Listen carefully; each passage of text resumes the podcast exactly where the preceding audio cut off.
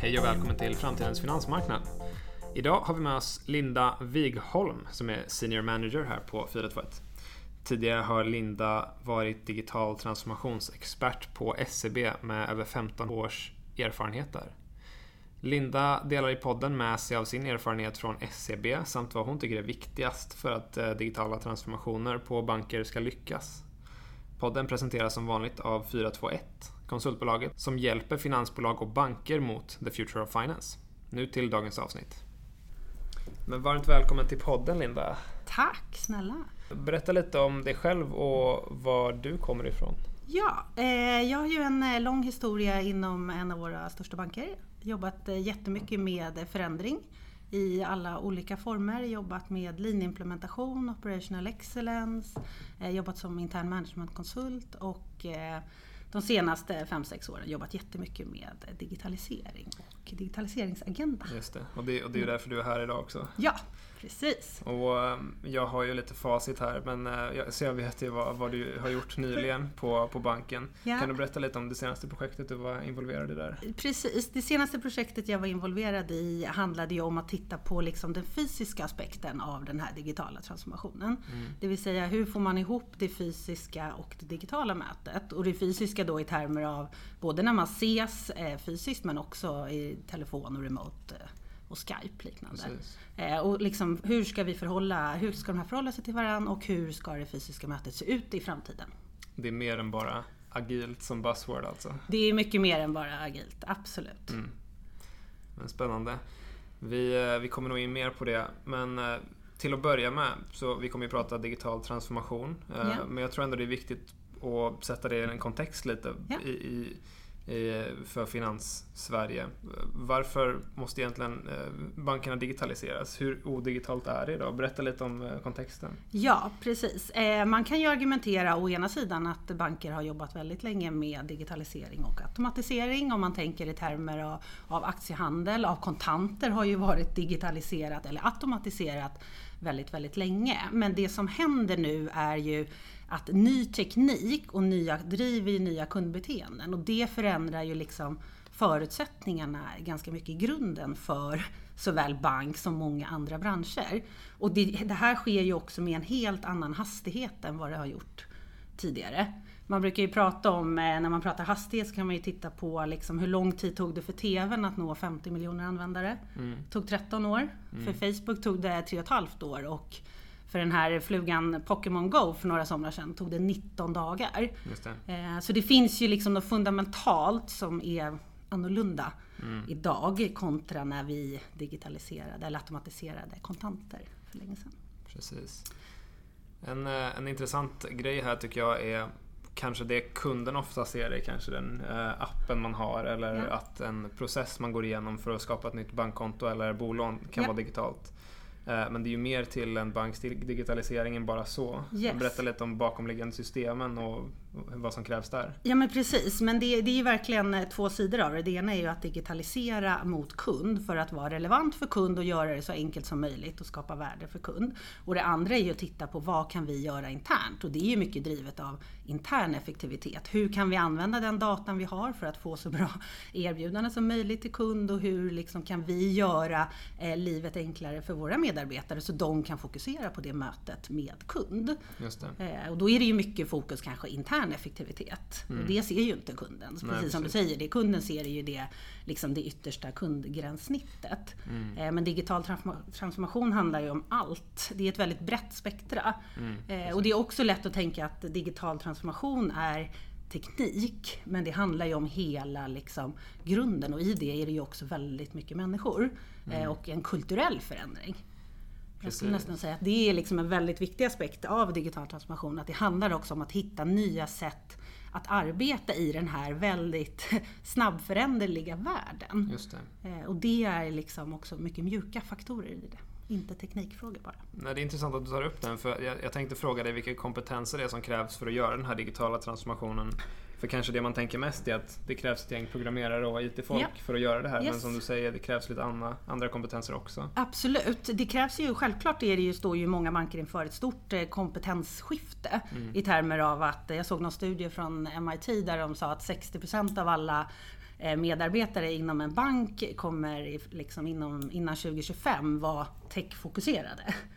Eh, Så det är ju självklart ett jätteviktigt område men det handlar ju också om att ha kompetens att förstå hur kan vi nyttja den här tekniken att skapa eh, nya tjänster för kunder och nya produkter och också göra vår egen verksamhet så effektiv eh, som möjligt. Och det här handlar ju om att, att hitta nya sätt att arbeta, att bli snabbfotad. Eh, Och det handlar ju inte bara om teknik, det är också mycket way of working, eh, strukturer, ledarskap, organisation för den delen och så vidare. Så det, man måste tänka på digital transformation som en, en helhet. Att det är faktiskt hela affären som måste, hela liksom organisationen som måste förändras. Det handlar inte bara om att köpa rätt system eller eh, kunna precis. analysera rätt data. Exakt. Men eh, berätta lite mer om det, om du kanske har något exempel om det här. Ett, ett um, gammalt way of working med, ett gammal, med en gammal process och så tar vi det mot ett nytt och bättre sätt att jobba på och så kanske ett nytt system som faciliterar det. Ja. Har du något bra exempel på skillnaderna här? Eh, nej men det jag har bra exempel på handlar ju liksom om när man lyckas eh, göra saker fullt ut tillsammans i liksom en värdekedja istället för att jobba traditionellt som många företag och där kanske äldre företag och framförallt också många banker jobbar väldigt eh, silos inom olika segment och produktområden. Men kunder är ju, eh, per, de rör sig per definition i en annan, deras kundresor rör sig på tvärsen över en organisation. Eh, och lyckas man, det liksom, har jag varit med om vid något tillfälle, när vi har lyckats ta en kundresa på tvärsen och fått med liksom alla kompetenser som behövs från liksom kundrådgivaren till den back-end-utvecklaren i samma rum och jobbat i samma värdeflöde. Då får man ju en enorm eh, kraft och förståelse i hela det flödet. Vad är det vi ska göra? Vad är viktigt för kund? Och hur kan vi nyttja den här tekniken för att skapa nya affärsmöjligheter helt enkelt. Just det. Är det mycket kund, kundresetänk när man designar de här processerna? Ja men absolut. Jag tror att det är jätteviktigt för, för alla verksamheter och, och bank också att det är liksom eh, skapa eller vara relevant för kund är ju A och O. Det är ju därför såväl banker som andra verksamheter finns. Och då gäller det ju att liksom veta vad kunden vill ha eh, och också kunna leverera det. Och då måste man vara mycket mer kunddriven än man kanske historiskt har varit inom just banksektorn. Jag tror att, tror att det är mer produktfokus än kundfokus eller kan man sätta dem på två olika plan tror du? Eh, Jag tror att man måste få ihop det där. Om man liksom tar bolån som en enkel klassisk produkt så är man ju, om man själv sätter sig på sig kundens glasögon så är man ju inte intresserad av ett bolån. Jag ska ju köpa en lägenhet, jag ska Exakt. köpa ett hus, ett, ett landställe. Alltså jag ska ju förverkliga en ganska stor dröm i mitt liv. Det är ju det som jag som kund är, liksom ligger ehm, längst fram för mig. Inte att få produkten bolån. Nej, nej. Så vi måste, jag tror att man måste orka tänka på det ur ett annat perspektiv och liksom gifta ihop de där. Vävs det här också in i digitaliseringen i det arbete som du har gjort för att få till det här tänket? Ja, absolut. Eh, som sagt, jag har ju jobbat med digitalisering ur liksom två olika perspektiv. Det ena ur just ett kundreseperspektiv eh, och titta till exempel på bolån. Vad är, det, vad är det kunderna vill och vad är det för kundresa som kunden går igenom? Som sagt, inte produkten bolån utan liksom att köpa en bostad eh, och försöka bygga eh, utifrån det flödet istället för att vara relevant och skapa enkelhet för kunden. Eh, och mycket kring way of working, hur får man ihop den typen av eh, flöden att funka eh, rent arbetsmässigt. Och sen som sagt med, med den fysiska sidan av digitaliseringsresan. Hur ska vi anpassa det fysiska till det digitala? Och jag ser allt det där som en digital transformation. Absolut. Okej. Men om jag ska sätta dig en liten kniv i sits nu. Ja, Du kommer in på en bank som är lite mer traditionell än den banken du har varit på tidigare. Behöver kanske väldigt mycket eh, nytänk både i eh, way of working Ja. men också nya system. ja. Hur tar du dig an det här? Ja. Jag tror att det är A och O att börja med varför. Varför ska vi göra det här? Eh, Jag tror att det måste man liksom ha commitment uppifrån högsta ledningen. Eh, Varför vi vill göra det här, varför tror vi på det här och vart ser vi framför oss? Vart är vi på väg? Mm. Så att man liksom i organisationen kan skapa en stark känsla av att eh, vi gör det här därför att vi är på väg hit kommer vi nå när det är slut. Jag tror att det är liksom någonstans där man måste eh, börja. Som om du kommer in som konsult, vad är, ja. det, vad är det, det första du gör? Är det rakt till ledningen och kräver resurser eller vad är det man behöver göra? Nej, men det, jag tror att de, de flesta stora banker idag är ju på de här frågorna. Så jag tror att mycket handlar om, i dagsläget handlar det kanske om att hjälpa dem att knyta ihop eh, säcken mm. eh, till en helhet. Jag tror att liksom om man tänker i alla fall de fyra stora bankerna hos oss är så stora organisationer. Vi, de är på de här grejerna från olika håll. Men jag tror att det kan vara bra att bara sätta det i ett helhetskontext för att få hela organisationen också springa åt samma håll. För det är det som är ofta en utmaning i stora trögrörliga organisationer. Att det är lätt att spreta lite. Mm. Och jag tror ju att det är liksom eh, väldigt viktigt ur perspektivet att i, i den här nya snabbföränderliga världen vi lever i så sker ju också ett eh, paradigmskifte i termer av att det är inte längre den som är stor som är stark. Mm. Det är ju snarare snabb eh, mot långsam som vi tittar på nu, inte stor mot liten så att säga. Så då måste man ju hitta sätt att arbeta som gör en snabb. Och det är därför jag också tror att även eh, de delarna är så viktiga i en digital transformation. Att det handlar om ett nytt sätt att arbeta, ett nytt sätt att liksom jobba tillsammans och en, till viss mån också en ny kultur i det. Eh, mycket det change management låter det som. Jag tror att det är jättemycket change management i de här resorna. Spännande. Ja. Men om vi ska ta ett lite mer fågelperspektiv, för nu har vi varit lite inne på och lärt oss om en digital transformation mm. på, på banknivå. Eh, men om vi blickar upp lite. Kan, kan, du säga någonting om vilka banker som är mest digitala idag på, om vi kollar på kundsidan som vi pratade om och backend-sidan? Är det en tydlig eh, uppdelning? Eh, nej, men jag ska inte säga, det är en väldigt svår fråga. Eh, jag tycker inte att det är en jättetydlig uppdelning. Jag tror också man måste sätta den lite i sin kontext för att bankerna är ju eh, olika. Även de stora aktörerna har ju lite olika strategier. Om vi tänker att Handelsbanken kommer från en väldigt eh, liksom, många kontor, tror på det fysiska mötet, relationen när man ses mellan fyra ögon. Mm. De måste ju digit digitalisera utifrån sin historia och vad de vill framåt. Och då blir det något helt annat kontra en, en eh, bank som Avanza som är fullt digital. Endast med ett callcenter. Så därför är det ju väldigt svårt att säga vem har kommit längst och vem har kommit kortast. Eh, det är lätt att säga såklart att de som är mycket digitala har kommit längre än andra, men eh, inte med det säkert. Så väldigt svår fråga att svara på helt enkelt. Ja. Jag vill inte ge mig på att eh, ranka någon heller. Nej, den är kanske lite, lite svår. Ja. ja. Um, Okej, okay, men om vi blickar lite ännu längre uppifrån då och skulle sätta Sverige i perspektiv med exempelvis Europa eller resten av världen. Ja. Hur tror du det ser ut? Eh, ja men generellt tror jag liksom Sverige ligger ju i framkant ofta när vi pratar teknik och digitalisering och även fintech. Eh, så jag skulle säga att vi generellt ligger långt fram. Och det vi också ligger när man kommer till bank, i alla fall på privatsidan, långt fram är ju vår användning i Sverige av kontanter. Mm. Vilket såklart driver den här uh, utvecklingen. Eh, det finns ju banker, till exempel en bank i Polen som började digitalt men nu har liksom gått fysiskt. Ja. Och det är ju drivet mycket av att i Polen använder man ju mycket mer cash än kontanter helt enkelt än vad man gör i Sverige. Och de såg liksom, vi kan inte vara en helt digital aktör för att det här är så pass viktigt att bygga lojalitet hos våra kunder. Mm. Eh, så då driver ju det dem lite åt ett annat håll. Eh, jag har ju svårt att se att någon av våra svenska digitala aktörer skulle välja att öppna kontantkontor i Stockholm till exempel. Ja, nej, det... Så därför skiljer det sig nog lite åt beroende på hur eh, kontantintensiva marknaderna är. Mm. Men det man kan konstatera är ju att alla eh, laborerar och tar ju nog den här liksom förändringen på allvar. Men på mm. lite olika sätt även där beroende på vilket land och vilken marknad och vilken typ av aktör man är. Ja. Spännande spaning. En, en, ta en tanke som, som, eh, som jag tycker är ganska intressant är det här med white label-tjänster som kommer upp eh, ja. fler och fler nu. Ja. Eh, hur tror du om det som ett sätt för banker att, jag ska inte säga fuska sig till en mer digital organisation, men, men på ett vis köpa sig till det? Ja.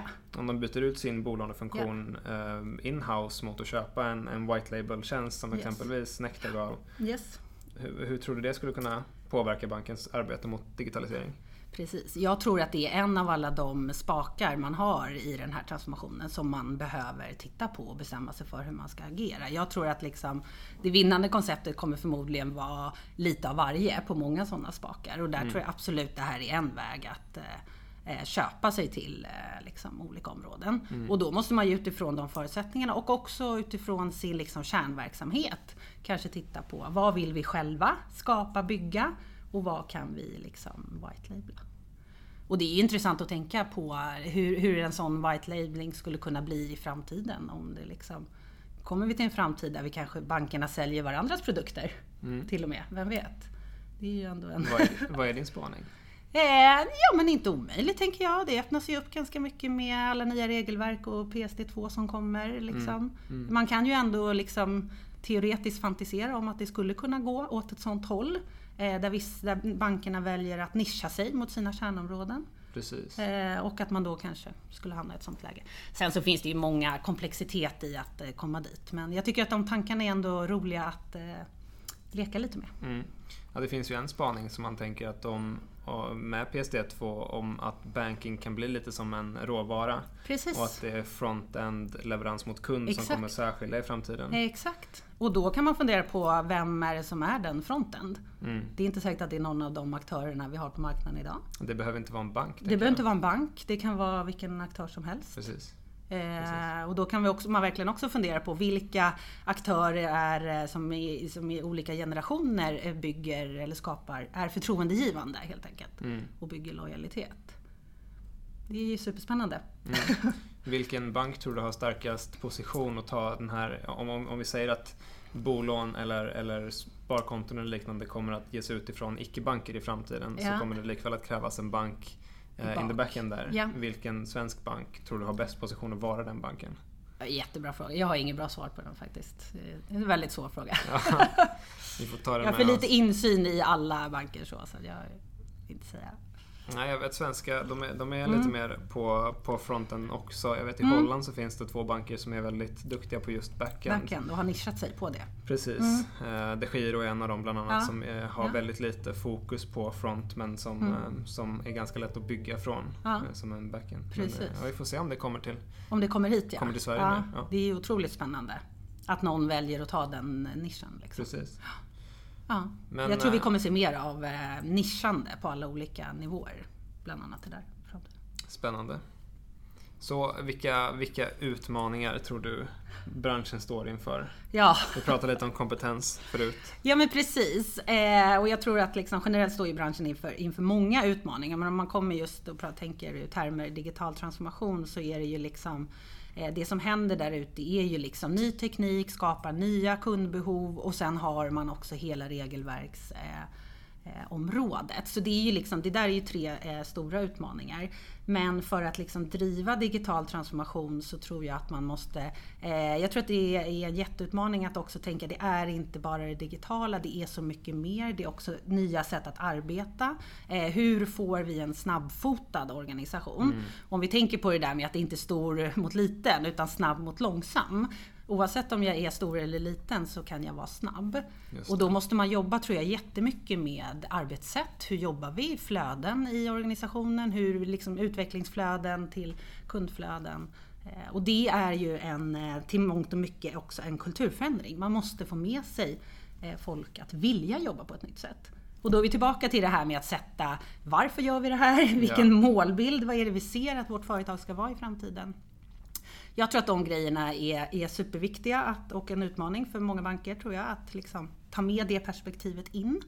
Eh, och i det så kommer ju också liksom en ledarskapsfråga. Eh, för en kulturell förändring drivs ju av ledarna och att de är mm. förebilder för resten av organisationen. Som i liksom våga misslyckas, lära av misstag, hur skapar man en kultur där det är okej att liksom misslyckas snabbt och sen lära sig det. Mm. Till exempel. Så jag tror också att ledarskapet är en utmaning eh, framåt faktiskt.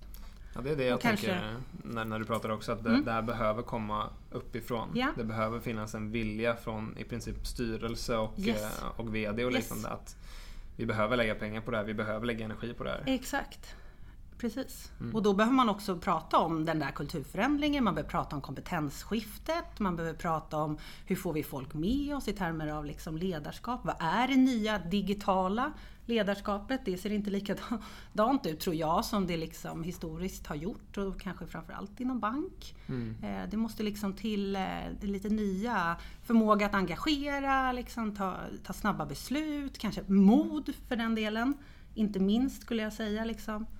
Eh, så jag tror att det finns mycket på den fronten att jobba med och jag tror att det är eh, utmaningar som bankerna står inför. Att också ta med det i transformationen. Mm. Jättebra. Tack för, eh, tack för dina svar. Jag tror vi har haft ett jättebra samtal. Ja. Men innan jag släpper det här för idag, mm. har du någon öppen spaning att dela med våra lyssnare? Eh, nej men en spaning som jag själv har reflekterat över eh, lite på sistone är ju att eh, vi pratar ju mycket om hastigheten i den här förändringen. Mm. Och i många branscher går det ju väldigt, väldigt fort. Mm. Eh, det gör det å ena sidan inom bank och finans, å andra sidan kanske inte jättefort. Eh, om man tänker liksom nya bolåneaktörer som kommer på marknaden, eh, till exempel Nektergal och så. Men eh, vi har ju pratat om de här nu ganska länge inom bank och finans, 2015-2016. Mm. Nu är det snart 2020.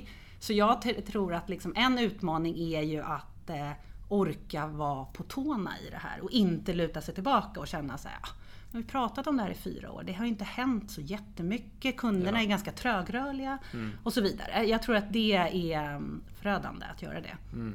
Jag tror att man måste hålla sig på tå för jag tror att eh, en dag händer det och då händer det nog ganska snabbt. Det är lugnt tills det inte är det längre. Exakt! Och det är ju den här gamla klassiska, om man ropar vargen för många gånger då lyssnar man inte längre på det. Och så, ja, det har jag ändå liksom en, en öppen spaning från mig. Att jag har liksom, tycker jag har sett vissa tendenser på att eh, kanske luta sig tillbaka lite. Mm. Och det tror jag jag tycker det är en jätteintressant spaning. Mm. Vi, vi pratade här eh, på 421 förra året om de nya bolåneutmanarna ja. Eh, och mm. kartlade dem lite grann, mm. vilka som har kommit in eh, och vilken effekt förmodligen det här kommer ha. Ja. Nu har det inte hänt så mycket det senaste Exakt. året på de här. De har inte riktigt fått finansiering. Ja. Det var, hade vi också en spaning om att det skulle bli lite svårt. Mm. Men det här betyder ju inte att det inte kommer hända. Exakt. Det betyder bara att det inte har hänt än. Exakt, precis. Och då gäller det ju för de större aktörerna att orka hålla i att hela tiden eh, ligga i framkant och vara på tårna och inte slappna av i att ja, men det har inte hänt, det verkar inte hända. Nej, just det. Så, om man säger inom situationstecken. Fokus från ledningen är viktigt. Också. Ja, men fokus från ledningen och liksom, absolut, mm. orka tänka att det, det är precis som du säger, det kommer att komma. Det är bara en tidsfråga. Och vissa kanske trodde att det skulle ta ett eller två år, det kanske tar fem år. Men eh, mm. det kommer förändra. Nu kommer PSD2 som sagt, alltså det öppnar upp hela open banking-området öppnar ju nu alldeles Precis. strax upp väldigt mycket. Spännande tider. Mycket spännande. Tack så hemskt mycket för att du kom idag. Tack snälla för att jag fick komma. Det var alltså Linda Wigholm. För mer information om eh, Linda och 421 surfa in på 421.se. Där kan ni även hitta fler poddar från oss eller white papers och rapporter eller mer information om vad vi erbjuder helt enkelt. Tack för att ni lyssnat.